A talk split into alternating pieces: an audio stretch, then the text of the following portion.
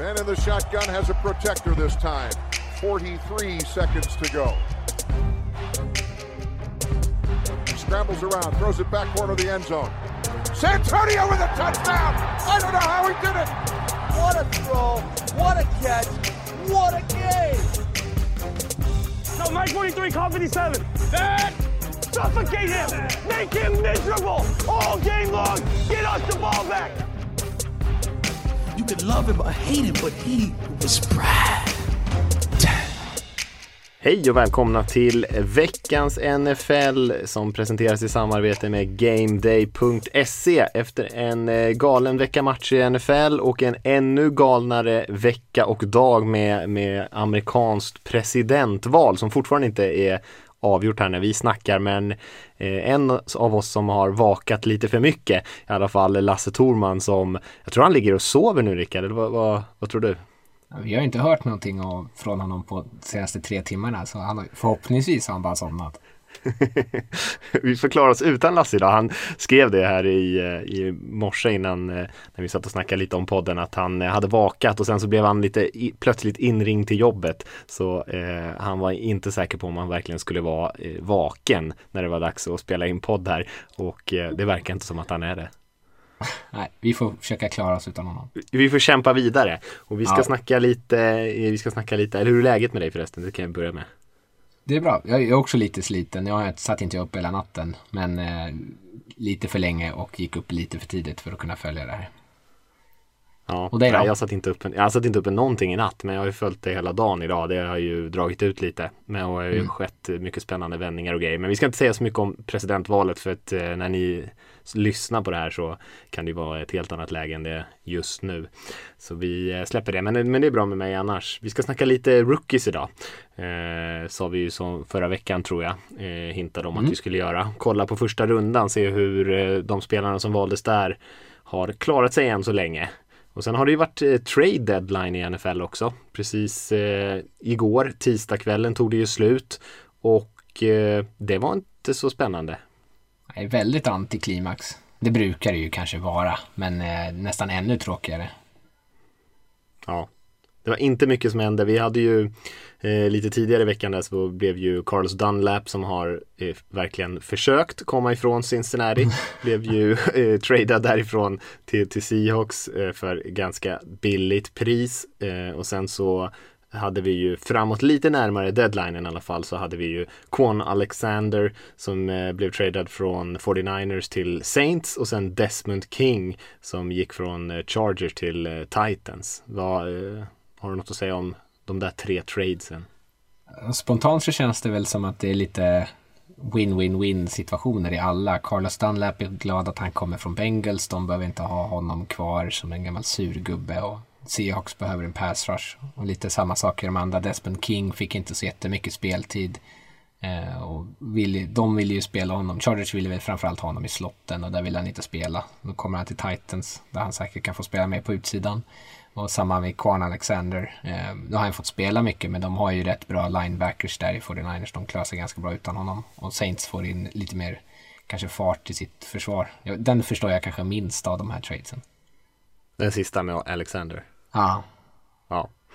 Ja, nej, det är, väl det, det är väl just det att de får in någonting som de inte har. Alexander har ju varit väldigt eh, upp och ner. Han är ju lite av en, har väl kanske alltid varit lite av en highlight-spelare. Så här superatlet som, som syns, syns eh, ofta och smäller till. Men sen har han också spelat ganska dåligt i perioder. Eh, framförallt kanske i det fysiska spelet. Han inte varit sådär jättebra mot springspelet. Missat mycket tacklingar. Eh, har väl varit en av dem om inte den som har toppat den som i alla fall varit i den absoluta toppen av missade tacklingar eh, länge har han ju varit. Desmond King känns som kanske den mest intressanta traden tycker jag ändå. Det var inget dyrt pris där heller, bara ett val i sjätte rundan tror jag det var. Men eh, det är ju faktiskt en bra spelare och Titans behöver ju hjälp. De har ju fortfarande ingen pass rush, men de behöver ju definitivt hjälp till sitt försvar. Och Dunlap-traden får se lite mycket han har kvar i tanken. Han börjar bli lite äldre, men Seahawks är ju också i desperat behov av lite pass rush. Så eh, kan ju inte skada i alla fall och priset var ju inte så högt.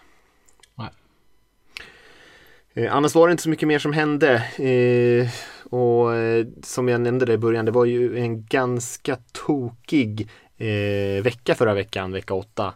Eh, vad var det som stod ut för dig därifrån? Ja, alltså framförallt så tycker jag att det var intressant att det var så många underdogs som lyckades vinna sina matcher. Eh, det började ju redan på torsdagen när Falcons eh, spöade Panthers. Nu kanske inte det var en sån här superskräll eftersom att Falcons ändå har ett kompetent anfall. Men eh, de såg ut som ett kompetent lag som inte brände i alla fall sig mot slutet av matchen. Och sen Raiders sprang över Browns i en snömatch och blåsigt väder. Bengals spöade Titans och då hade, trots att de hade så här massa skador på den offensiva linjen så lyckades Titans just pass rush inte gör någon sorts nytta.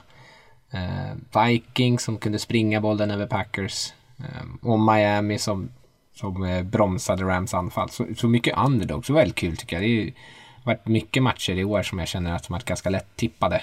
Så det, var ju, det här var ju vi har ju den här pick'em-ligan när man ska välja vinnare varje vecka. Eh, och det, det, här gick ju förskräckligt dåligt den här veckan. Och det är ju alltid ett gott bevis på en kul vecka. Exakt. Ja, det kanske är positivt. Uh, ja, nej, det, jag håller med dig. Och Patriots var ju väldigt nära att slå Bills också. Och mm. Patriots som hade sett så oerhört värdelösa ut veckan innan. Uh, verkligen utmanade Bills in i det absolut sista för att de skulle lyckas vinna den matchen med 24-21. Jag tycker du nämner många av de intressanta matcherna där, Bengals, att de uh, spör på Titans här med den trupp som de har, Joe Burrow som fortsätter imponera tycker jag. en av de rookies vi ska prata om lite senare. Eh, trots som du säger det är inte många spelare man känner till på den där offensiva linjen kvar längre. Det är Nej. riktiga korvförsäljare och McDonalds säkerhetsvakter och sådana här saker som spelar på offensiva linjen. Och ändå har Titans försvarslinjen som du är inne på kan inte göra någon nytta överhuvudtaget. Eh, Dalvin Cook kan man ju lämna i Vikings Packers matchen där som hade, tror han hade 226 yards och fyra touchdowns mot Packers. Så man kan nästan säga att han vann den matchen ensam. Mm.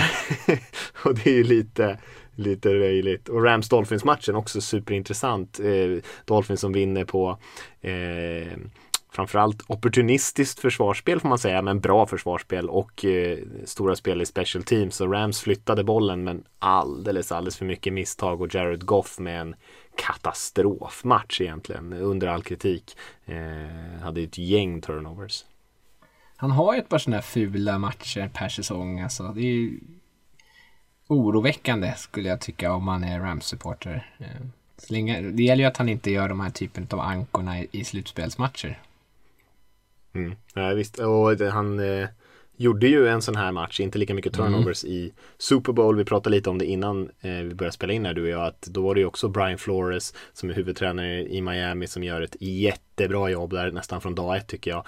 Eh, som var defensiva koordinatorn för Patriots när Rams eh, anfall tog tvärstopp. Och det var ju på den tiden då Rams anfall brukade göra över 30 poäng per match. Eh, så frågan om de kom in med en liknande gameplan här. De hade ju ganska mycket kreativa eh, lösningar i försvaret, kreativa blitzpaket, spelare som droppade och inte droppade och sånt där för att förvirra Rams och de lyckades egentligen aldrig komma ur det.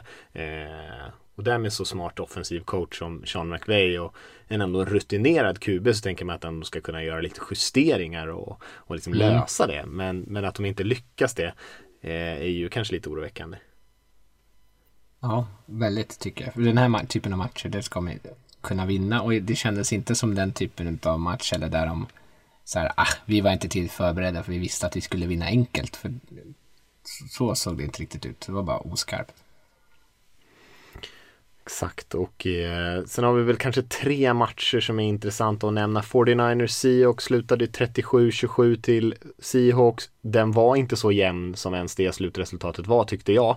Eh, och det är ändå 10 poängs marginal här utan Seattle var ganska överlägsna i den matchen. Fick till och med ganska mycket press på, på 49ers och Jimmy Garoppolo som såg uppenbart skadad ut och visar ju sen också att han hade en ganska allvarlig skada. Han tappade George Kittle här också, till deras tight end, som också har en eh, lång eh, skada framför sig och tveksamt om han ens kommer komma tillbaka i år.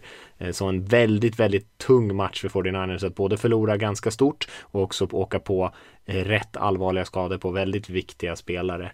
Um, ja, en, en, tuff match helt enkelt. Och sen så är det ju såklart det stora AFC North-derbyt som i alla fall inte gjorde mig besviken, Steelers-Ravens-matchen som Steelers till slut vann med 28-24 eh, men som var dominerad, alltså, trots poängen här, dominerad av försvarsspelet. Jag skulle säga att försvaren eh, var klart bättre än, än, anfallet på andra sidan i båda de här lagen. Och eh, det som lämnade mig kanske från den där matchen det var väl kanske Lamar Jackson och hans insats som jag tyckte var eh, en riktig besvikelse. Man förlorar den här matchen på grund av Lamar Jackson skulle jag säga. Eh, Ravens försvar gör en av de bästa matcherna jag har sett i år. Eh, och springspelet fungerar det också. Men Lamar Jackson, flera turnovers, tror han hade tre eller kanske till och med ännu fler i den här matchen. Och ganska sunkiga eh, turnovers dessutom. Spelade alldeles, alldeles, alldeles för dåligt. Eh, och det är inte första gången i år som han har en sån här eh, ganska kass match som kostar om matcher eh, och inte alls har kommit upp till den MVP-nivå vi såg i, såg i fjol. Så det tycker jag är lite sådär, någonting i alla fall att hålla koll på. Det är väl ingen panikläge riktigt än, men eh, han måste vara mycket bättre än sådär.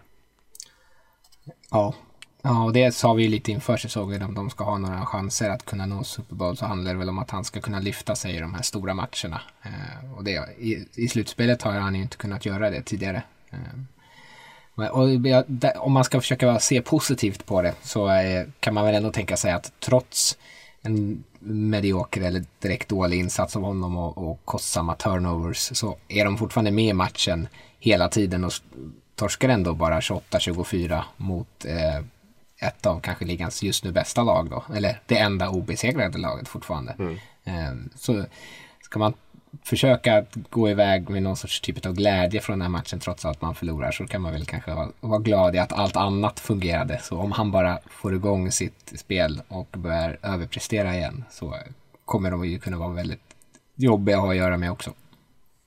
Ja, det tror jag definitivt. Och man borde ha vunnit den här matchen. Eh, Steelers ja. försvar är ju såklart jättebra. Man kommer inte möta så här bra försvar hela tiden och han var under väldigt mycket press i den här matchen också. Eh, men eh, Ja, det, de, de kommer ju möta bra försvar i Baltimore när de väl tar sitt slutspel och bra lag. Mm. Eh, och då måste eh, Lamar Jackson spela bättre än vad han gjorde här eller vad han gjorde i slutspelsmatchen som de åkte ut på i fjol. Eh, så eh, mm, något att hålla ett litet öga på tycker jag ändå hur, eh, om han kan lyfta sig ur det. Eh, för han tycker ändå att han har ju visat att han har kvaliteterna.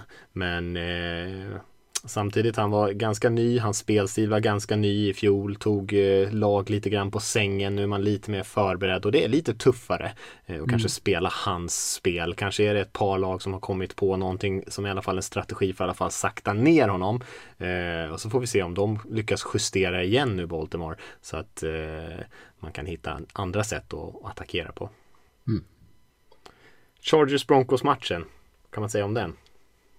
Eh, svängig. Eh, det började ju väldigt långsamt eh, och sen precis innan slutet av andra halvlek så bara exploderade Chargers med två stycken snabba touchdowns och Herbert spelade bra och han spelade bra egentligen hela matchen. Men eh, sen så klassisk Chargers manér så eh, liksom, tappar man den här och låter den glida ännu händerna helt i onödan för att man man, man slutar vara så träffsäker och eh, det blir liksom mycket slarvfel. Eh, och så bjuder man in Broncos i matchen som faktiskt, och det ska man ge dem, att de, att de ens eh, kan hänga på är ju rätt imponerande tycker jag. Och jag, Lock såg ju bedrövlig ut i första halvlek och det såg kanske inte så fantastiskt ut i andra halvlek men spelade betydligt bättre ju längre in i matchen han kom.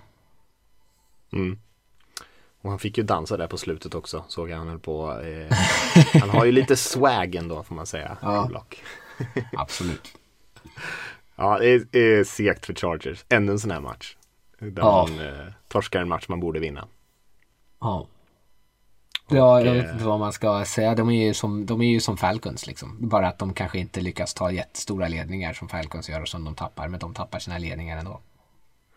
Mm. Och här hade man en jättestor ledning. Eh, det, ja. Jag såg Anthony Lim på sidlinjen där. Jag, stod, jag såg inte hela matchen men jag såg eh, sluttampen av den och uh, han såg ju han såg ju redo att packa ihop och gå och lägga sig. Han såg ju helt, mm. eh, helt sleten ut eh, när han insåg att de förlorade den här matchen. Mm. Jag tror inte ens att trodde att det var möjligt. Eh, men det gjorde de. Och, och vi har ju pratat... Ja, det... Vi skrev ju om det i våran Slack där med våra patrons. Eh, så var det någon som lyfte så här, när, när läggs liksom skulden på Linn? Att, eh, han, han lyfts ju ändå som en bra tränare. Jag, ändå, jag har väldigt mycket respekt för honom. Jag tycker att han har gjort ett jättebra jobb där i Chargers. Men den här typen av matcher, det är ju liksom ju, händer ju väldigt ofta med, under hans ledarskap och någonstans måste man ju börja peka fingrar och, och vems, vems fel är det? Eh, och det, han kan inte gömma sig längre, tycker jag. Nej. Nej, det är dags att börja ta lite ansvar där kanske och börja försöka förstå vad det är som händer egentligen. Mm. För det ska inte gå att tappa den här typen av ledningar och särskilt inte mot ett anfall som eh, Denver. Eh, alltså okej okay, om man Nej. möter något lag som ja, som verkligen kommer igång och man gör någon turnover och de öser in poäng sådär men, men det här anfallet ska man ju dessutom kunna stoppa. Eh, mm. Även fast man tappar bollen får man ändå säga. Man kan ju bara säga något kort om Saints Bears också den matchen. Eh, min första tanke var väl att det inte direkt fanns några vinnare i den matchen även fast Saints vann den matchen med 26-23. Det var ingen som såg speciellt bra ut. Jag tycker att eh, Chicago, eh, vi pratade om det när de hade vunnit betydligt mer fler matcher än vad de har gjort nu, att det är inte riktigt det känns inte riktigt som att de borde ha vunnit så många matcher och det här kommer inte hålla eh, så länge de spelar så här dåligt anfallsspel och eh, det fortsätter de ju med. Det ser riktigt dåligt ut. Eh, det var slarvigt i den här matchen overall och i Saints på andra sidan, vi har pratat om det, Drew Brees. Vad händer med hans armstyrka? Hur ser han ut egentligen? Och det ser ju inte bra ut. Det ser inte bra ut alls. Jag skulle säga att det kommer vara jättesvårt att, att spöa de bra lagen och vara en riktig utmanare om om det fortsätter se ut på det här sättet. Eh, man vann den här matchen mot ett lag som ändå har mycket vinster men ja, det är inte jättemycket. Man får inte med sig jättemycket positiva saker ändå. Nej, och ska man sätta Breeze liksom i slutspelet eh, behöver han ju vara i ganska trevliga, liksom, eh, en trevlig miljö. Typ hemma i Superdome, inte kanske uppe i lite så halvkallt Chicago. Om, nu var det inte ens riktigt så busväder, men om han skulle behöva spela en sån här riktig vädermatch, då kommer det anfallet inte kunna göra någonting. Det är bara screens hela tiden. Ja, till slut så kanske man kan stoppa Camara. Fast han är duktig. De är väldigt bra på screens i och för sig och Camara är väldigt bra. Men eh, ja, men eftersom försvaret inte heller ser sådär jättebra ut så Nej. vet jag inte att det, det, är inte jättemycket saker som är bra i Saints ärligt talat. Nej. Eh, det är ungefär Alvin Kamara. Och en del linjespel som ser bra ut ibland. Men det är mm, vi får se, de har en tuff match den här veckan. Men det kommer vi till lite senare. Jag tänker att vi kanske ska gå in och eh, snacka lite om eh, alla våra rookies. Och tanken var ju att gå igenom egentligen varje val i första rundan och då kommer det kräva såklart att vi håller ett hyfsat tempo om, eh, om vi ska komma igenom. Och men ändå få en chans att säga någonting om alla lag. Och så finns det ju vissa lag som inte hade ett val i första rundan. Så de tar vi på slutet helt enkelt och säger någonting om mm, vad de hittade på i draften i alla fall. Och man kan väl också säga att om man vill få en eh, ordentlig genomgång av vad de här lagen har gjort i de Eh, tre senaste drafterna, vad de kan hålla, eh, tänkas titta på framöver här så håller ju Lasse och Magnus på med en draftserie som vi har släppt exklusivt för de som stöttar oss via Patreon. Eh, och det, är man sugen på det så kan man ju faktiskt bli Patreon och eh, så får man ta del av de poddarna. De har ju släppt ett par stycken än så länge och det är ju eh, väldigt eh, ambitiöst får man säga. De går ju verkligen igenom på djupet. Det är draftnörderi på eh, hög nivå. Det är väldigt, väldigt kul att lyssna på. Ja men visst är det det och man får ju bli också lite påminn så här. Man kommer ju inte ihåg, eller jag gör i alla fall Nej. inte, det är rätt många lag i NFL. trots att vi pratar om dem varje vecka. Vilket, vem draftade liksom eh, Lions i andra rundan 2018? Eh, det kommer jag inte ihåg. Så att man får bli ändå påmind om det och sen så får man lite av Lasse och Magnus tankar kring om, om, om det har varit bra val eller inte. Mm. Eh, så det är en riktigt bra refresher sådär för att få lite koll på spelare och lag. Men till vår lite eh, enklare övning här. Ska vi börja uppifrån kanske? Det kanske är mest logiskt. Ja, med Cincinnati Bengals valde ju Joe Burrow i sitt första val. Eh, och det måste de väl vara nöjda med. Du sa ju själv här att han har spelat bra. Han har ju verkligen varit en sensation. Eh, han har haft ganska tuffa omständigheter och som vi pratade om här, mycket skador på den offensiva linjen. Men han är ju en franchise-QB eh, och det är de ju nog supernöjda med. Han var allt vad de hoppades på. Ja, nej han är outstanding. Eh, jag tyckte det inför draften och att det finns ingenting som tyder på att, att han eh, inte skulle vara precis så bra än så länge. Som du säger, han har ju inte hamnat i det bästa laget eh, och det finns mycket som inte funkar omkring honom. Men han försöker göra det bästa av den situationen och mm. mer kan man faktiskt inte begära av en rookie QB tycker jag. Vi kan hoppa till andra valet där. Washington Redskins valde ju, eller Redskins, det heter de inte längre, Washington Football Team eh, valde Chase Young där, eh, pass rushen. Eh, och det är väl lite samma sak som med Burrow där, eh, två och en halv sack än så länge, eh, forced fumble, men har spelat väldigt bra, eh, terroriserat lite offensiver på den där eh, försvarslinjen i Washington. Eh, och Chase Young ser ju verkligen ut som eh, en väldigt bra ung spelare fortfarande. Det är väl inte så att han har exploderat än så länge riktigt den här säsongen men, eh, men han spelar ju, har spelat bra och det finns ingen skäl att tvivla på att det var något dåligt val på något sätt utan han ser ju ut som det som man hade väntat sig. Ja, han har ju framförallt har han ju bidragit till den här identiteten som är fotbollteam nu, att de har fått sin pass rush som liksom en otrolig styrka. Så att de har ju någonting att bygga på. Och heter man fotbollteam då kan man ändå behöva en identitet. Precis. Får eh. Inte lika muntet på val nummer tre, så kan man säga. Nej, Jeff Okuda. Han skulle ju komma in och ersätta Darius Slay där. Ehm, eh, men det har inte gått så jättebra för honom. Han har haft det lite svettigt. Eh, men eh, det är så svårt. Han är inte i världens mest tacksamma situation kanske i Lions heller. Ehm, men man trodde ju att han skulle, jag hade ju så otroligt höga förväntningar på honom. För jag hade ju ett jättehögt betyg på honom och han har inte alls levt upp till det ännu.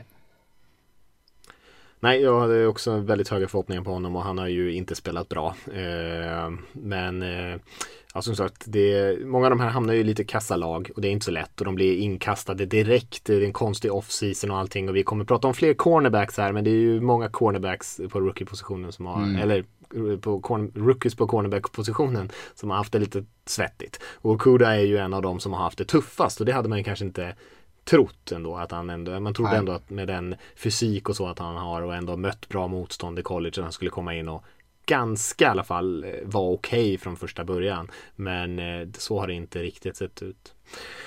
Fjärde valet där, New York Giants, Andrew Thomas, offensiva attacken. Ja, nej, det har inte sett så bra än så länge ut för Andrew Thomas och har ju haft ett par riktigt dåliga matcher och framförallt kanske i passblockering som han har haft det ganska dåligt. Eh, gjorde en hyfsad match här senast mot Tampa Bay Buccaneers och eh, eh är väl kanske lite på rätt väg. Man behöver väl inte liksom dra i paniksnöret eh, där heller men än så länge så har det inte sett särskilt bra ut för Thomas.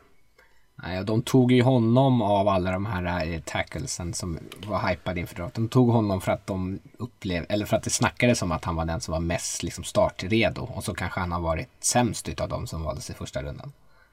Och det är ju det, är ju det som får dem att åka dit lite här på i mm. Giants. Att, att det är ett par andra tackles som har spelat bra. Eh, mm. Och Thomas har varit ganska dålig. Och då ser ju mm. det sämre ut såklart. Såklart. Eh, ja, sen Miami Dolphins valde Tua Tagovailoa. Uh, nu har han, vi har inte sett någonting förutom senaste matchen och det var ju, vi såg ju knappt någonting där heller. Eh, han hade en fumble på sitt första passspel.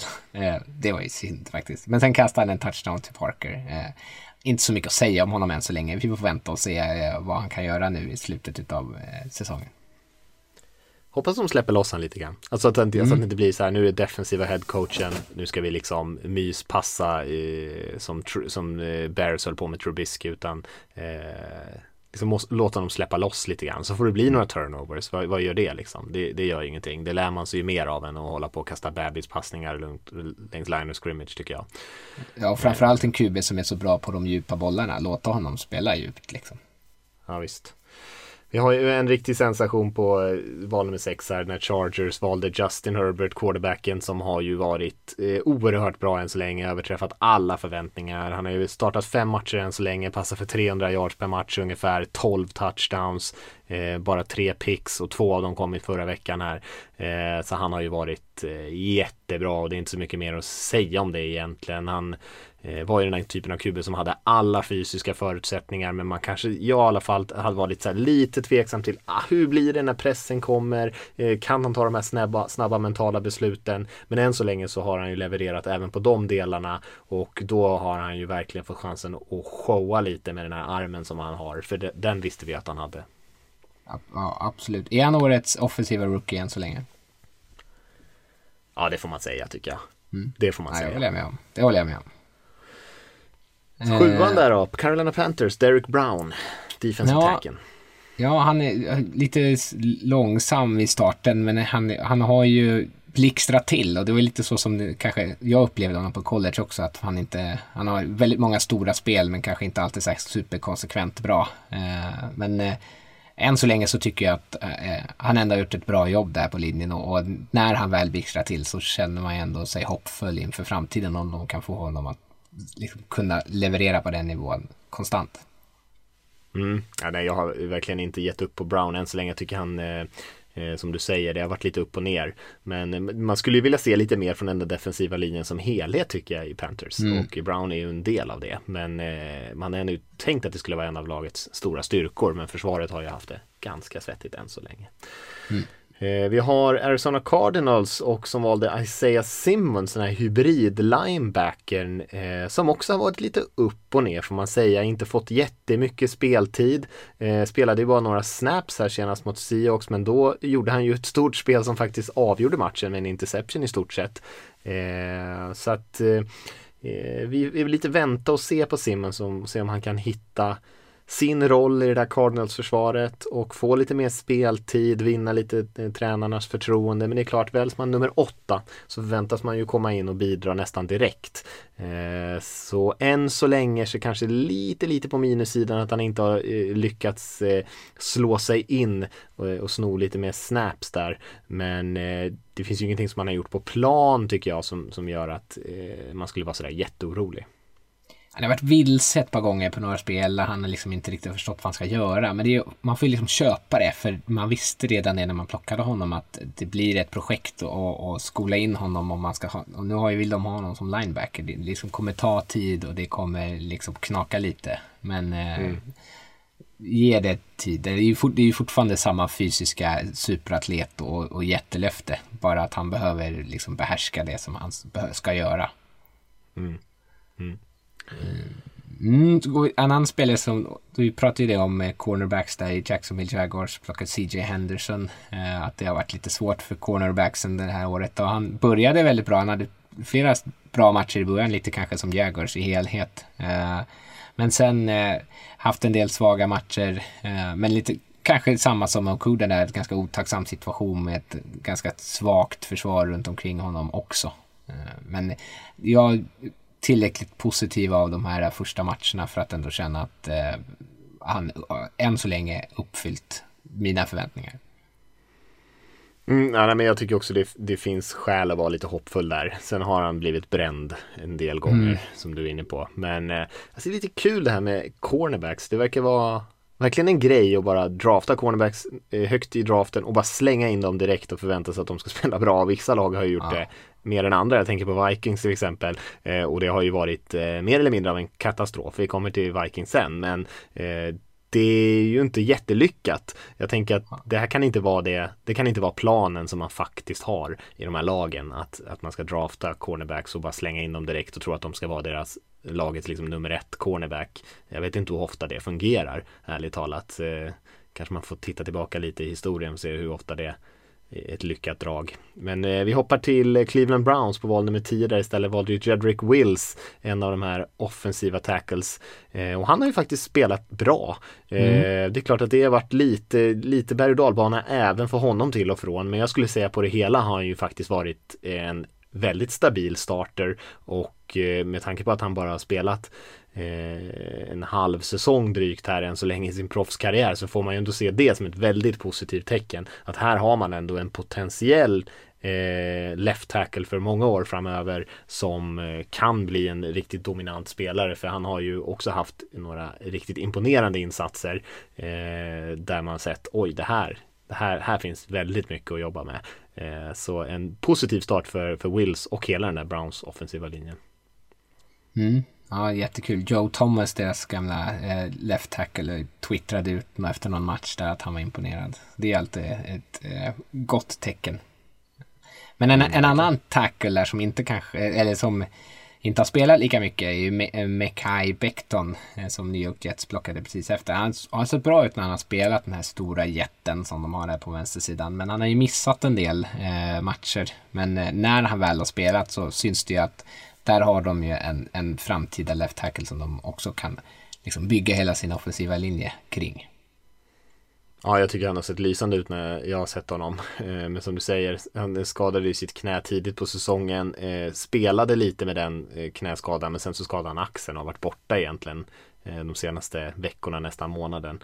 Ehm, så vi får se vad som händer när han kommer tillbaka, men det lilla vi fick se av honom tyckte jag såg imponerande ut på Val 12, sen har vi Las Vegas Raiders och Henry mm. Ruggs. Jag tänker att du får säga det mesta där men det enda minst snabba eh, reaktion på han är väl bara att eh, jag tycker bara att det har märkt så stor skillnad när han har varit på plan och inte på plan. Eh, att, att den här snabbheten verkligen bidragit med någonting och, och, eh, och också bidragit med ett par riktigt häftiga stora spel där man verkligen ser att det, det här är lite speciellt. Ja, det, det, i statsen så kanske det inte syns riktigt ännu och han och Carr har missat honom ett par gånger. Det syns att de inte riktigt har kemin där. Men han har ju öppnat liksom upp spelboken och anfallet har liksom fått en mycket djupare dimension. Raiders har ju tidigare bara, Carr har ju kritiserats för att han bara dumpar bollen eh, med så här korta passningsspel. Nu har de ju vågat öppna upp och kasta lite djupt och det är ju mycket för att Ruggs liksom, hans fart, även om han inte får bollen, öppnar upp och de har ju medvetet attackerat, eller alltså passat honom tidigt i matchen bara för att visa att vi vågar kasta på honom så ni kan inte liksom, ni måste räkna med att han kommer liksom explodera om ni släpper honom. Ehm, så på så sätt har han varit jättevärdefull. Mm. Eh, vi har valet efter där. Tampa Bay Buccaneers eh, valde ju Tristan Wirfs, den superatletiska offensiva attacken får man ändå säga som hoppar ur pooler och gör andra eh, häftiga grejer, voltar och håller på på sina typ 150 pannor. Och ja, nu ska vi sluta nämna Andrew Thomas här, men det här är väl anledningen då till att det inte ser så bra ut. Att för Tristan mm. Wirfs har ju eh, om möjligt varit ännu bättre än Jedrick Will som är Kai Becton för Tampa Bay Buccaneers har ju spelat jättebra eh, på deras offensiva linje och eh, får väl eh, avsluta den här trion av imponerande tackles. Eh, jag tycker att han har varit jättebra när jag sett honom. Ja, nej jag håller med. Jag hade lite frågetecken kring honom och kanske tyckte att han inte hade alltså, tillräckligt snabba fötter för att kunna hantera speedrushers. Men eh, det har sett bra ut. Sen har han ju där också om man ska prata om så här otacksamma och tacksamma situationer så det är det ganska tacksamt att ha Tom Brady som står där och skriker åt honom vad han ska göra och liksom håller koll på att checks och så på den offensiva linjen är korrekt. Visst, han, Tom Brady har ju fått, sett, fått många offensiva linjer och offensiva linjespelare att se bättre ut än vad de kanske egentligen är. Mm. Eh, men eh, men en väldigt bra start för Worth får man ändå säga. Mm. Efter Worths plockades eh, Javon Kinlaw av San Francisco 49ers. Eh, och ja, han har ju spelat en del, han har ju kanske inte stuckit ut sådär jättemycket. Eh, jag har sett några liksom, riktiga highlights av honom. Men det märks att de har tappat någonting där på den defensiva linjen från det att de skeppade Wackner och tänkte att Kinlaw skulle kunna kliva in. Eh, men ja, ingen, alltså, ja, lite så här, varken det ena eller andra tycker jag. Ja, det är lite så. De har ju tappat spelare där som du säger med Bosa och allting på defensiva linjen. Mm. Så att det blir ju att eh, man kanske får göra lite andra grejer än vad det man är menat att man ska göra. Och man kanske får lite mer uppmärksamhet ja. än vad man hade trott att man skulle få av den offensiva linjen. Eh, så att Kinlo har ju varit osynlig långa stunder när jag har tittat på 49ers. Eh, och han är ju kanske den som helst skulle hamna lite en mot en och få attackera lite grann. Och jag vet inte hur många sådana lägen han riktigt får nu. Eller om de måste spela på ett lite annorlunda sätt. Mm. Eh, vi kan hoppas till nästa val där. Eh, Denver Broncos nummer 15 valde Jerry Judy, receivern. Eh, som tyvärr har varit borta med både axelskador och eh, tajta hamstrings eller vad man säger. Men han såg ju väldigt, väldigt bra ut innan han skadade sig. Eh, och vi har ju pratat om, om någon tidigare podd här tror jag som en av våra spaningar hur bra alla dessa rookie receivers spelar och jag tycker Jerry Judy, det vi såg av honom så var han i den absoluta toppen av dem han spelade ju väldigt bra. Han är ju den här precis slipade route runner som han var på college eh, och vinner ju liksom även mot jätteduktiga cornerbacks med att liksom lyckas skapa jättemycket separation. Eh, när han, när han, han väl lite, kommer tillbaka. Han är ju lite Amari Cooper tycker jag. Från väldigt mycket ja. Mm. Mm.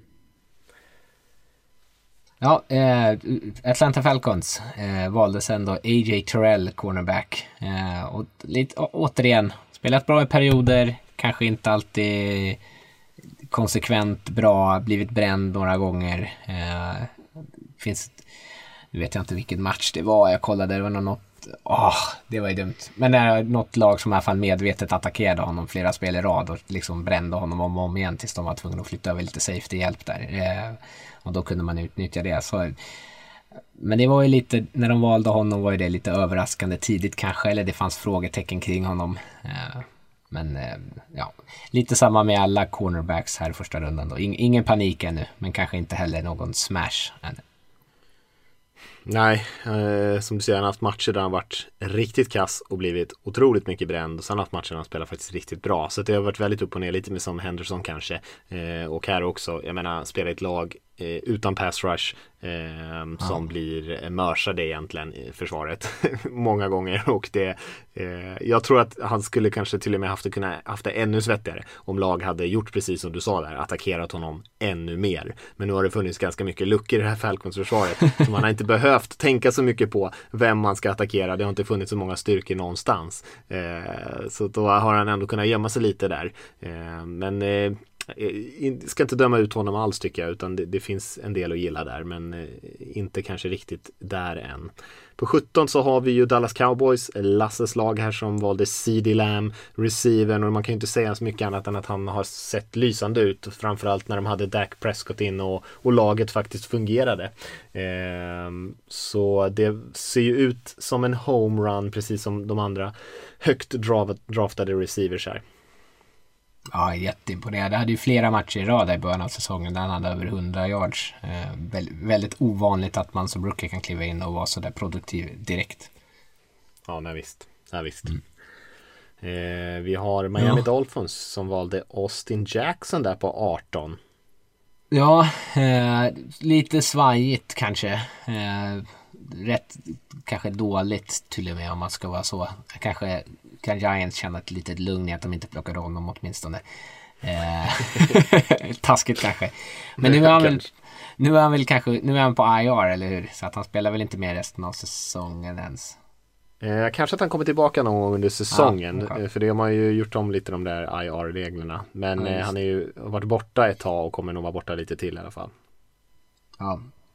Så li lite svårt att säga så mycket om. Han hade ju också eh, det var en del frågetecken om hur startredo han var när han kom ur college. Han hade väl det var väl Austin Jackson som donerade blod eller någonting inför sista, eller donerade benmärg till sin syster inför sista säsongen på college och därför var lite ur form när han väl spelade. Eh, och fortfarande Oj. väldigt ung, var inte det? Jo, men någon av de här Känner igen det lite grann, men ja. det låter dramatiskt. det var väldigt dramatiskt. Men så, jag tror att de inte räknade heller med att han skulle liksom vara eh, perfekt från första början. Nej. Nej, jag håller med det du sa där. Det, eh, man måste få se lite mer av de här spelarna också faktiskt om man ska ja. ge dem ett, ett ärligt betyg. Eh, mm. 19, Las Vegas Raiders igen, Damon Arnett. Eh, jag har inte så jättemycket bild av honom förutom att han har haft det ganska tufft eh, som några av de andra cornerbacksen här som vi har pratat om. Ja, han hade, framförallt i början av säsongen så kändes det så. Men sen började han få upp lite uh, fart och spelat bättre. Men, då, och då skadade han sig och sen fick han covid och uh, han är fortfarande skadad. Han spelade ju en skadad tumme hela tiden och sen så blev han tacklad av Jonathan Abram. eller Jonathan Abram tacklade någon e sin egen eh, försvarsspelare som också då ramlade in i David Arnett. Så han skulle ju kunna skada två stycken i en samma tackling. det hade varit. Men eh, Raiders är hoppfulla i alla fall. De har varit väldigt eh, liksom positiva när de har pratat. Det är kanske alla i och för sig. Men eh, de har, eh, har lyft honom som en av dem eh, som de verkligen tror på. Ja, eh, sen har vi 20 då, Jacksonville Jaguars och Caleb Von Chason. Eh, vad kan man säga, kan säga att han är en linebacker eh pass ja, rushers rusher. hybridspelare i stort sett. Eh, som haft en tuff start på sin rookie-säsong tycker jag. Eh, ja, han har inte gjort sådär jättemycket nytta när jag har sett Jaguars. Eh, och dessutom kanske lite problem med, med det, det, fysiska och hålla upp i springspelet och den typen av grejer. Eh, där man kanske tänker att eh, Eh, det måste man ändå sköta även fast man inte producerar massa sax och sånt där. Så att eh, en väldigt tuff start på Chason som man ändå säger en av de här spelarna i första rundan som har, har haft den, den tung, tyngsta starten eh, än så länge. Mm. Mm. Eh, jag behöver inte lägga till så mycket där. Så då går jag vidare till Jalen Rager, Philadelphia Eagles wide receiver som eh, de draftade för att få fart men sen har inte han spelat typ i stort sett någonting och han är väl skadad. Ehm, så där kan, kan man inte säga någonting om ännu så länge. Nej, det är, och även fast han hade spelat så vet jag inte riktigt vad de håller på med Eagles just nu. Så det är väl kanske lite svårt att prata om någon. Men de hade behövt honom, eller de hade behövt ja. en spelare som var på planen och som kanske spelade som några av de andra receivers som är högt draftade. Eh, mm. Så hade det kanske gjort mycket nytta. Eh, men det är inte så mycket att säga om Rager som du säger, har missat mycket tid. Mm. Eh, vi kan hoppa till Minnesota Vikings, Justin Jefferson, en annan receiver från LSU eh, som eh, har spelat jättebra för dem. och sen har ju Vikings haft minst sagt sina problem i anfallet och nu senast kanske det sättet man vill spela på, man springer bollen väldigt, väldigt mycket och inte kommer upp i så mycket volympassningar. Men, men Jefferson hade ju några matcher där då han verkligen levererade ganska imponerande statistik åtminstone, men han har ju sett väldigt bra ut när han har spelat. Alltså ja, superimponerande. Eh, och de saknar ju inte eh, Diggs, Stefan Diggs som de tradade bort. Eh, sak, saknar inte honom med Jefferson tycker jag. Jag tycker att de har ett, eh, en kompetent ersättare där. Mm. Uh, ja, Los Angeles Chargers som bytte upp för att kunna plocka Kenneth Murray, uh, linebacker, som de ville för att han framförallt sin atletiska förmåga som så här, på förhand åtminstone tyckte jag var det här skulle kunna vara ett av de bästa valen i hela draften. Men eh, han, har, han har fått mycket speltid men kanske inte riktigt varit sådär superbra som man hade hoppats och framförallt kanske eh, har, de, har han blottats lite i, i, eh, i passningsspelet, blivit bränd en del gånger eh, mot Broncos här eh, hade han ett par riktiga eh, där han släppte sina killar alldeles för mycket. Men eh, känns ändå som att han har en sån liksom har det som de saknar där när det väl kommer att klicka. Men han hade ju lite problem också på college ibland att han var ur position. Eh, att han kanske överkompenserade det en del för att han har Eh, han är så väldigt, väldigt snabb. Eh, och här i NFL så har det märkts att när han liksom tar ett steg fel så hinner han inte kompensera för det. Nej, jag tror han, eh, jag tror jag såg någonstans att han tillät alla passningar som kastades åt hans väg mot Broncos. Eh, lite tufft. Det är, det är, lite tufft. Men nu är det, det, det, kan ju bli så ibland om man, om man är som linebacker och hamnar i lite dåliga matchups och sånt där. Så det behöver inte vara hela världen och det är bara en match. Men eh, visst har han spelat ganska dåligt än så länge och eh, med tanke på att vi kommer till en annan linebacker här eh, om vi nu ignorerar Seahawks då som alltid hittar på toksaker i första rundan eh, så, så ser det ju lite sämre ut i den jämförelsen får man väl ändå säga. Ja. Men eh, vi kan börja med New Orleans Saints som också ganska tufft val eh, valde Cesar Ruiz, centern eh, och de försöker spela honom på guard. Eh, och han har inte spelat särskilt bra för Saints, det har han inte gjort. Han har fått, haft problem att anpassa sig lite grann kan man ju säga. Och eh, ja, haft en tuff start på sin rookie-karriär och de har ju ändå en bra linje med ganska mycket duktiga spelare runt omkring och, och en bra offensiv stab och sådär. Så det är ganska schyssta förutsättningar vilket också gör att han blir väl inte totalt uthängd heller eh, för att han har lite rookie-problem här i början. Men eh, Ja, vi får väl se. Det, det, det, har inte bara sett dåligt ut men, men generellt sett så har han spelat ganska svagt. Så vi får väl se om han kan lyckas räta upp den eh, kurvan igen och spela lite bättre. Mm. Kan vi ta nästa val då? Brandon Ayuk, San Francisco 49ers wide receiver. Apropå någon som då har blivit bättre och bättre. Det började långsamt utan att göra sådär jättemycket väsen av sig. Eh, kändes kanske att det tog ett tag för honom att få grepp om spelboken och routes och sånt för vad han förväntades göra. Han har blivit bättre eh, allt eftersom. Återigen kanske en, en, en lagsituation där det har varit väldigt rörigt med Garoppolo varit skadad, mycket skador rent generellt för hela truppen. Eh, jag hade ju extremt, extremt höga förväntningar på honom. Framförallt att känna en system där som är duktiga på att utnyttja liksom en stjärn wide receiver. Så jag trodde han skulle ha betydligt mer volym än vad han har haft än så länge. Men eh, han har ändå visat precis det som jag eh, hoppas att han ska, sen ska liksom kunna göra i NFL. Eh, han är en, en, otroligt dynamisk spelare både som receiver och så som de använt honom en del. Lite så sweeps och ge honom bollen i lite, lite screens och sådär. Ja, jag gillar också Ayuk väldigt mycket i draften. Han hade ju 12 targets här senast. Nu när de har massa skador på receiver-positionen mm. så har han fått mer chanser. Och det har han ju faktiskt gjort eh, en del av ändå. Eh, och har ju, eh, hade ju över 100 yards senast här och, och strax under matchen innan. Så att eh, börjar ändå börjar leverera lite grann. Eh, om vi tar eh, val 26, Green Bay Packers, det är kanske det mest eh, kontroversiella valet i, draften. Jordan Love, quarterbacken. och det finns inte så mycket att säga där. Han gör ett jättebra jobb när han står och håller i clipboarden där på sidan medan Aaron Rodgers öser in 40 poäng.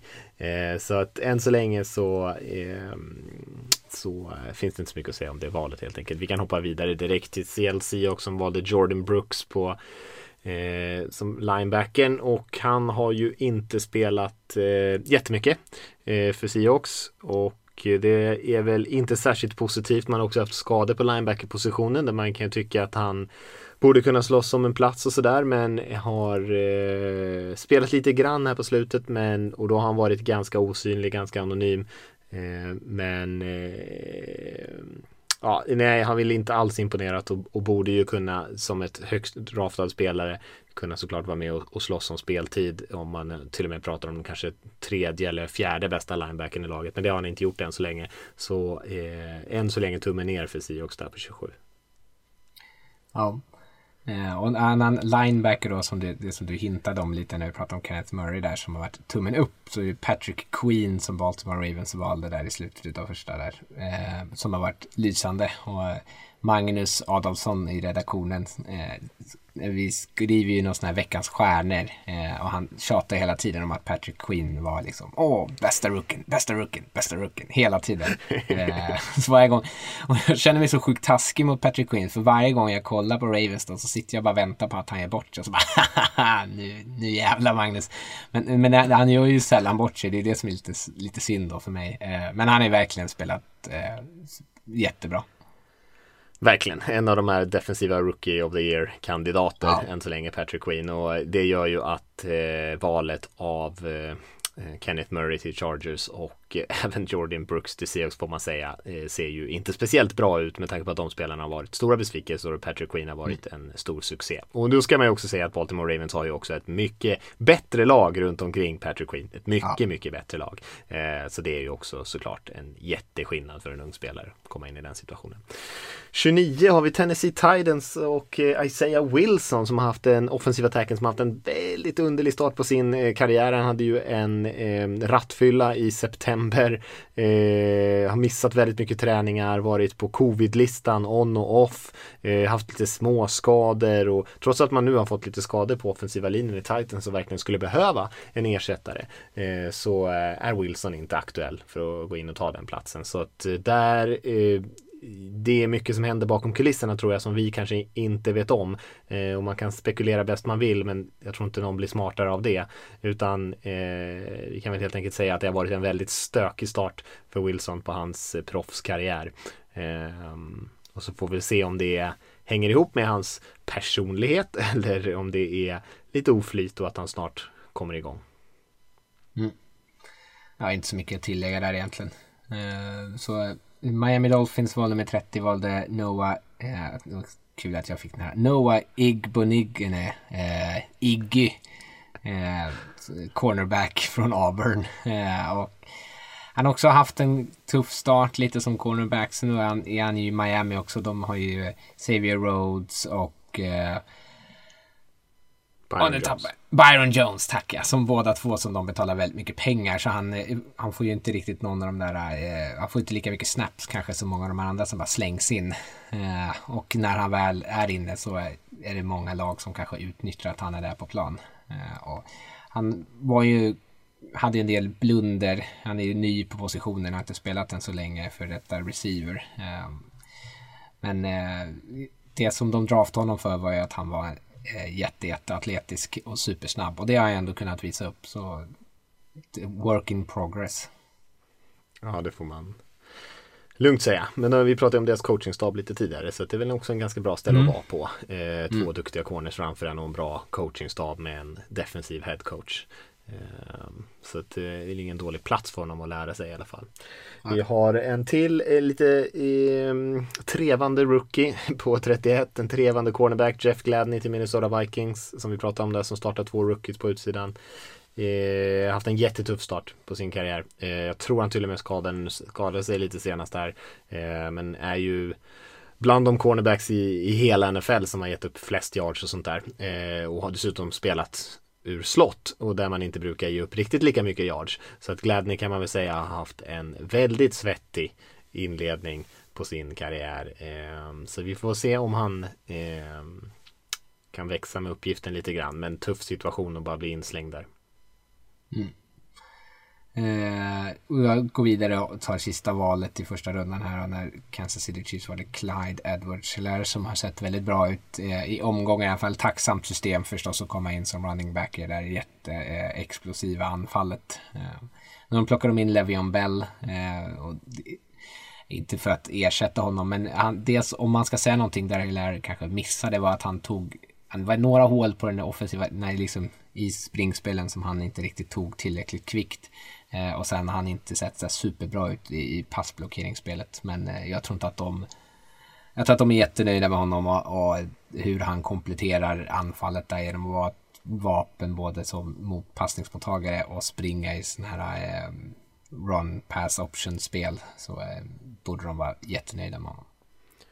Ja, och vi pratade om det när de tog in Bell där också lite grann och alltså, det är ju klart inte så kul för Edward Celaire att de, de tar in någon annan när han dessutom spelar ganska bra. Men som du säger, eh, Chiefs, de eh, försöker vinna Super Bowl i år. Eh, och då är det små grejer, eh, det är ett bra system.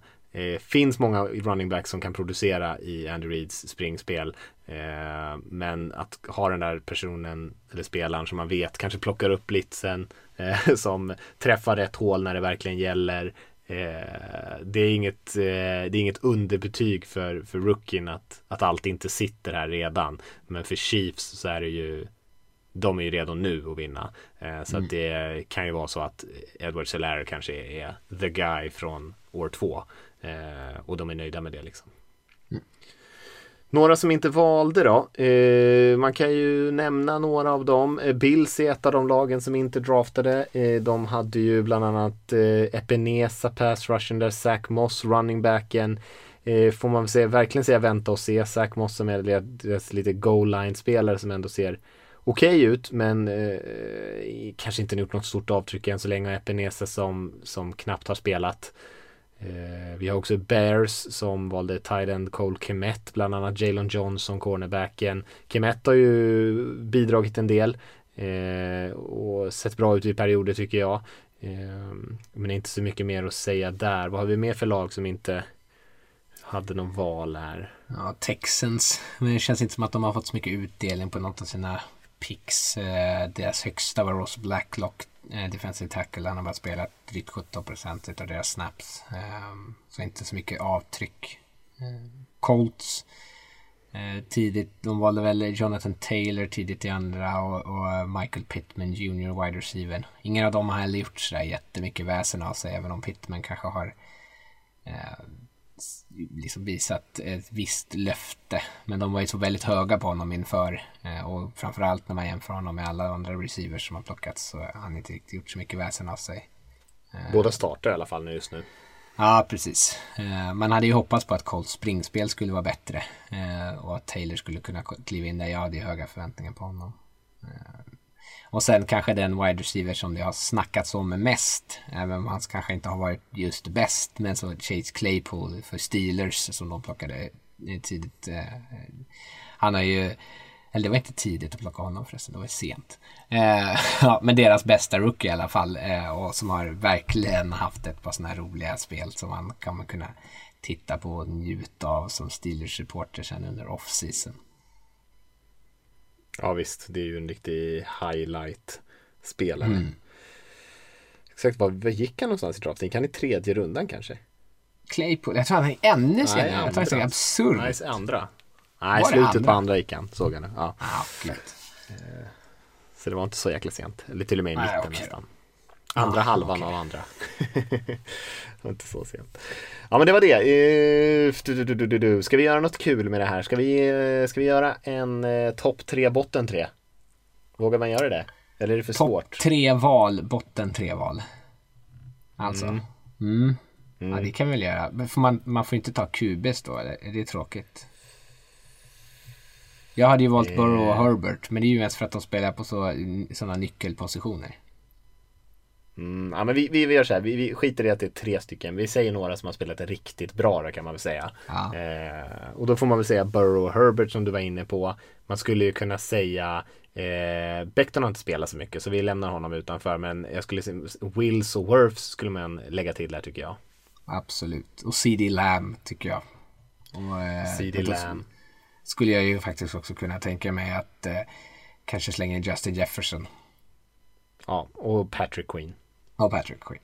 Mm. Och där är vi relativt nöjda tror jag. Och, ja. eh, och sen om vi ska ta en, en, en botten, vi var inne på Jeff Gladney där nere.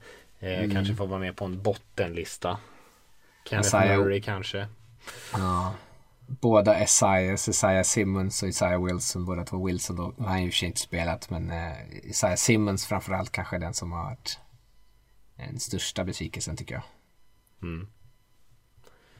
Eh, Okuda än så länge har ju varit en besvikelse såklart. Ja. Eh. Och Thomas där ja, men det kanske du sa. Och Thomas, just det, mm. Thomas. Ja, nej. Eh, kanske får räcka med eh, nergrävande i första rundan. Det är ändå kul att gå tillbaka så här lite grann. Jag tycker vi kan, mm. vi kan säkert göra det en annan gång. Antingen kolla på någon position eller att vi sammanfattar något i slutet på säsongen eller sånt där. Mm. Eh, och kolla eh, på någonting. Så säkert Lasse med, vill vara med och, och flika in lite grann. vi får se om han är vaken så att säga. Eh, ska vi kika lite på eh, helgens matcher innan Absolut. Innan vi går vidare. Ska vi kika på morgondagens match först? Vi kan säga något kort om den kanske. Ja, de flesta kommer ju kanske äh, inte hinna lyssna innan de har sett den. Men äh, Packers 49ers är ju ändå en kul match. Äh, och om Packers nu visade, eller blottade sig som sårbara mot ett zonspringspel som Vikings använder sig utav så möter de ju nu gurun utav zonspringspel. Även om Kyle Shanahan har typ hälften av sitt lag skadat. Så eh, får vi se om de kommer kunna springa bollen. Han brukar ju kunna lyckas eh, skripta upp en del spel i alla fall. Eh, men där måste ju Packers vinna. Framförallt nu när Garoppolo är ute. Ja, med både Garoppolo och Kiddle borta så skulle det ju vara extremt pinsamt för Packers om de inte kan vinna den här matchen. Ehm, mm. Och då vet jag inte hur på stort allvar man kan ta dem som en seriös utmanare. Ehm, för, för att det här är ju ett eh, ett halvt proffslag och ett halvt eh, bänknötarlag som de ska möta. Och, eh, och, Packers måste ju faktiskt kunna stoppa springspelet. Det, det går ja. inte att bli så här totalt överkörd som de blev här senast. Eller av, eh, det var väl, var det Derrick Henry som sprang eh, över dem i eh, slutspelet förra året? Eller var det 49ers då också? Det var det väl? Det ja, det var 49ers. Ja. Mm. ja, det var 49ers ja, som, som körde över dem. Vi hade Mostert på 220 yards och sådana grejer. Mm. Eh, och tre touchdowns. Vill jag säga att det var. Så det var mm. ju precis samma typ av produktion nästan som Dalvin Cooks hade senast där. Eh, kanske till och med ännu värre. Och det är ju de här stora springspelen som Packers har en tendens att ge upp. Eh, men den här matchen måste man vinna. Annars Ja. eh, så kommer jag tappa respekten för Green Bay resten av den här säsongen. Det är i så fall om de torskar mot först Vikings som är extremt svaga Ja. och sen även 49ers då som, som som sagt kanske inte ens har ett halvt lag. Eh, Och Packers som har lite skador visst och lite covid problematik här men det är inte mycket eh, som de har saknar just nu. Nej. I jämförelse i alla fall. Vad har vi mer för kul? Ditt Seahawks mot Bills kanske? Ja, en ganska kul match. Vi har pratat ganska mycket om de här två lagen så man behöver väl inte lägga till så jättemycket men det känns som en väldigt spännande match. Jag såg faktiskt att Seahawks var favoriter här enligt Vegas vilket känns eh, lite, lite risky. Eh, känns, den tycker den känns väldigt jämn och eh, just det som Bills har varit bra på i år. De eh, har levt väldigt mycket på sitt passanfall. är ju precis det som Seattle är riktigt dåliga på. Eh, passförsvar. Så att eh, jag tror att Josh Allen kommer nog ha eh, alla möjligheter att ha en jättedag här eh, mot Seahawks. Men det blir väl ganska mycket poäng som det brukar bli i Seattle-matcherna. Säkert relativt jämnt. Men jag vet inte om jag vågar tippa en vinnare. Jag skulle ju såklart tippa Seahawks, jag kan ju inte göra något annat. Men eh, ja, känns, eh, känns lite farlig. Bills har ju sett lite skakiga ut så det vore ju skönt om de kunde liksom räta upp sig lite igen. Eh, Och här har de ju chansen att få igång anfallet som sagt eftersom att Seahawks försvar bjuder på en del. Ja, och det kommer de få. Sen om de vinner matchen i slutändan, det får vi väl se. Det beror lite på vad deras eget försvar gör, tror jag. Men, eh, men visst kommer anfallet komma igång. Det, det kan jag nästan lova. En annan sån här bra match med i alla fall lag som har winning record. Eh, så är det ju Bears som heter Titans. Eh, Titans som nu torskade senast. De släppte ju Vic Beasley sin ena pass rusher också. Då bara för att han, han inte har gjort någon nytta alls. Eh, trots att de betalade honom 9,5 miljoner dollar. Eh, Undrar om de försöker få tillbaka något av det på något sätt. Jag vet inte, det har ju varit lite stökigt. Han var ju också borta så här ett tag, några dagar. Ja, han vägrade ju komma i början utav träningen. Ja, precis. Utav camp. Ja. Eh, nej, men de, de, där har väl försvaret kanske... Man är ju nästan vant sig vid att Titans försvar de senaste åren har varit så bra. och Det har ju verkligen inte varit det i år. Eh, mycket problem kanske framförallt med sin pass rush. Eh, och de möter Bears eh, vars anfall eh, har varit ett stort problem det senaste decenniet. Eh, men så där borde ju Titans i alla fall kunna, lite, lite samma som Bills kan få liksom igång ett, sitt offensiva, kanske Bills, eller Titans försvar kanske kan få lite självförtroende tillbaka av att kunna stoppa det här sopiga anfallet. Eh, men en match med två lag som eh, har mycket att vinna för att kunna visa att de inte är sådär dåliga som man kanske är orolig över att de skulle kunna vara. Mm. Såg att Titans var ganska stora favoriter i den här matchen. Eh, Jag tror den kan bli ganska svettig för dem. Just för att de har svårt att stoppa folk. Och eh, det här Bears-anfallet är ju kanske så pass dåligt att de till och med att de kanske ska lyckas stoppa dem. Men om det är något. Men eh, ja, jag kan, jag kan också se att Bears ändå sätter upp lite poäng. Om de inte får så mycket motstånd. Eh, vad har vi mer för kul? Vi har Ravens Colts tycker jag känns lite intressant. Mm. Se om, eh, för Colts nu, vi eh, var ju lite tuffa mot Philip Rivers som hade gjort ett gäng dåliga matcher. Eh, nu har han gjort ett par riktigt bra matcher och Colts har ju sett eh, betydligt bättre ut. Och Ravens lite å andra sidan, eh, på andra sidan av skalan där man kanske känner att man har mycket att bevisa. Eh, om man kommer tillbaka här. Jag tror nog att det kan vara en match där man Ravens faktiskt gör det. Att, man, eh, att Lamar gör en klart bättre match. Jag trodde han skulle spela bra mot Steelers här senast. Och ehm, det var väl tydligt att jag inte tyckte att han gjorde det här i början. Och jag tror att här kommer han inte vara under samma intensiva press. Man kommer kunna spela loss lite mer och att Ravens försvaret eh, kommer, de har inte Marlon Humphrey här, sin bästa cornerback som har corona. Men eh, jag tror ändå de kommer kunna störa och tvinga fram lite turnovers från Rivers här. För i den här matchen så tror jag inte han kommer kunna hålla sig från att kasta en eller två picks. Nej, han kommer nog vara under lite, lite för mycket press. Eh, Men det är, det är lite roligt. Jag tycker att den här matchen, man kollar Vegas-oddsen, hur snabbt vindarna kan vända i NFL. För att Ravens var favoriter mot Steelers förra veckan och nu är de bara två och en halv poängs favoriter mot Colts. Eh, Och det känns som att den linjen känns i alla fall enligt mig ganska låg om man skulle prata betting. Gör inte det för jag har redan förlorat alla mina bettingpengar i år. Följ inte dina bettingtips. Tippa Colts. Lägg huset på Colts. Eh, nej, men den känns låg liksom. Och framförallt om man tänker, tänker på att de var favoriter förra veckan. Eh, men eh, klart spännande. Men jag håller ju Ravens som ganska tydliga favoriter. Ja, men jag förstår vad du menar, även fast man inte bettar den ur perspektivet att de har tappat lite av sin glans. Mm. Eh, och i, i, en match som jag tycker att de var väldigt imponerande förra veckan. Ja. Alltså jag tyckte att Ravens såg ut som ett bättre fotbollslag än vad Steelers gjorde.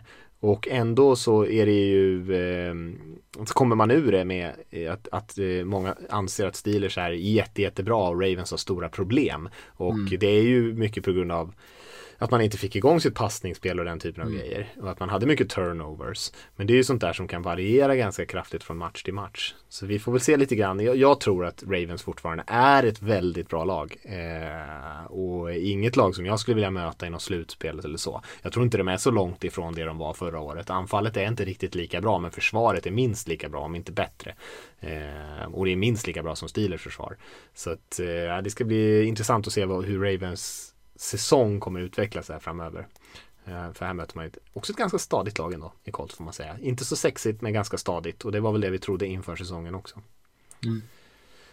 Vad har vi mer? Vi har lite intressanta matcher kvar. Jag tycker man kan nämna Lions-Vikings-matchen. Känns inte den lite skoj? Det är två lag som har fler förluster än vinster men eh, som ändå har varit lite sådär kaxiga eh, till och från och eh, det här är väl lite sista sucken för dem också. Ja, Vikings visade ju nu mot Packers att de ändå kan spela bra och det, det så de spelade då var ju så som kanske åtminstone jag förväntade mig att de skulle se ut i början av säsongen. Sen har det liksom inte riktigt lyckats klaffa så. Men kunna spela sådär bollkontrollerande fotboll. Eh, och ett Lions som har även de, höga toppar och, och, djupa dalar så känns det som att om de kommer in och har en hög topp så kan ju det här matchen faktiskt blir väldigt, väldigt underhållande. Och det är ju alltid, det är ju alltid kul med divisionsmatcher liksom. Och två lag som känner varandra väl. Eh, spelare som har varit där länge eller tränare som har varit där länge. Så bara av den anledningen så känns det ju som att det kommer bli mycket, att det kommer bli tight. Ja, jag tror det också. Eh, alltså, lite, lite intressant match ändå. Sen var liksom mm.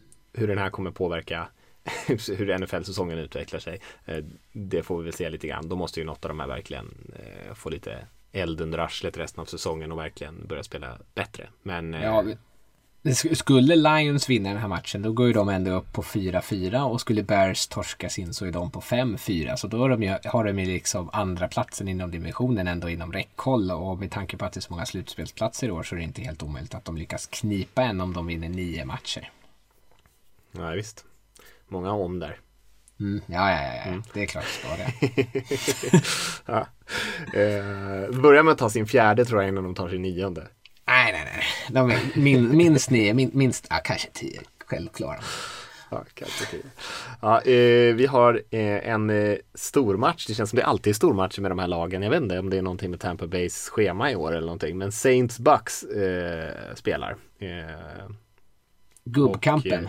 Ja, gubbkamp är jag. Touchdown rekordkampen. Ja, just det. det Någon av dem leder ju med typ så här, äh, jag vet inte vad de kan vara uppe i, typ så här 650 touchdown och den andra har typ 651 eller något sånt där. Det, så de kan ju liksom hoppa mellan vem som har rekordet i den här matchen fram och tillbaka, vilket är lite kul. Men det är ändå, det visar ju att det är två giganter som möts här.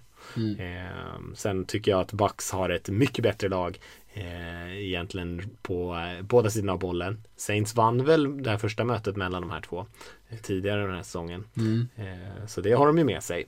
Men jag tycker att Bucks har, har varit bättre lag och, eh, sen dess. Och dessutom att Brady ser ut att han är som att han är tio år yngre än vad Breeze gör.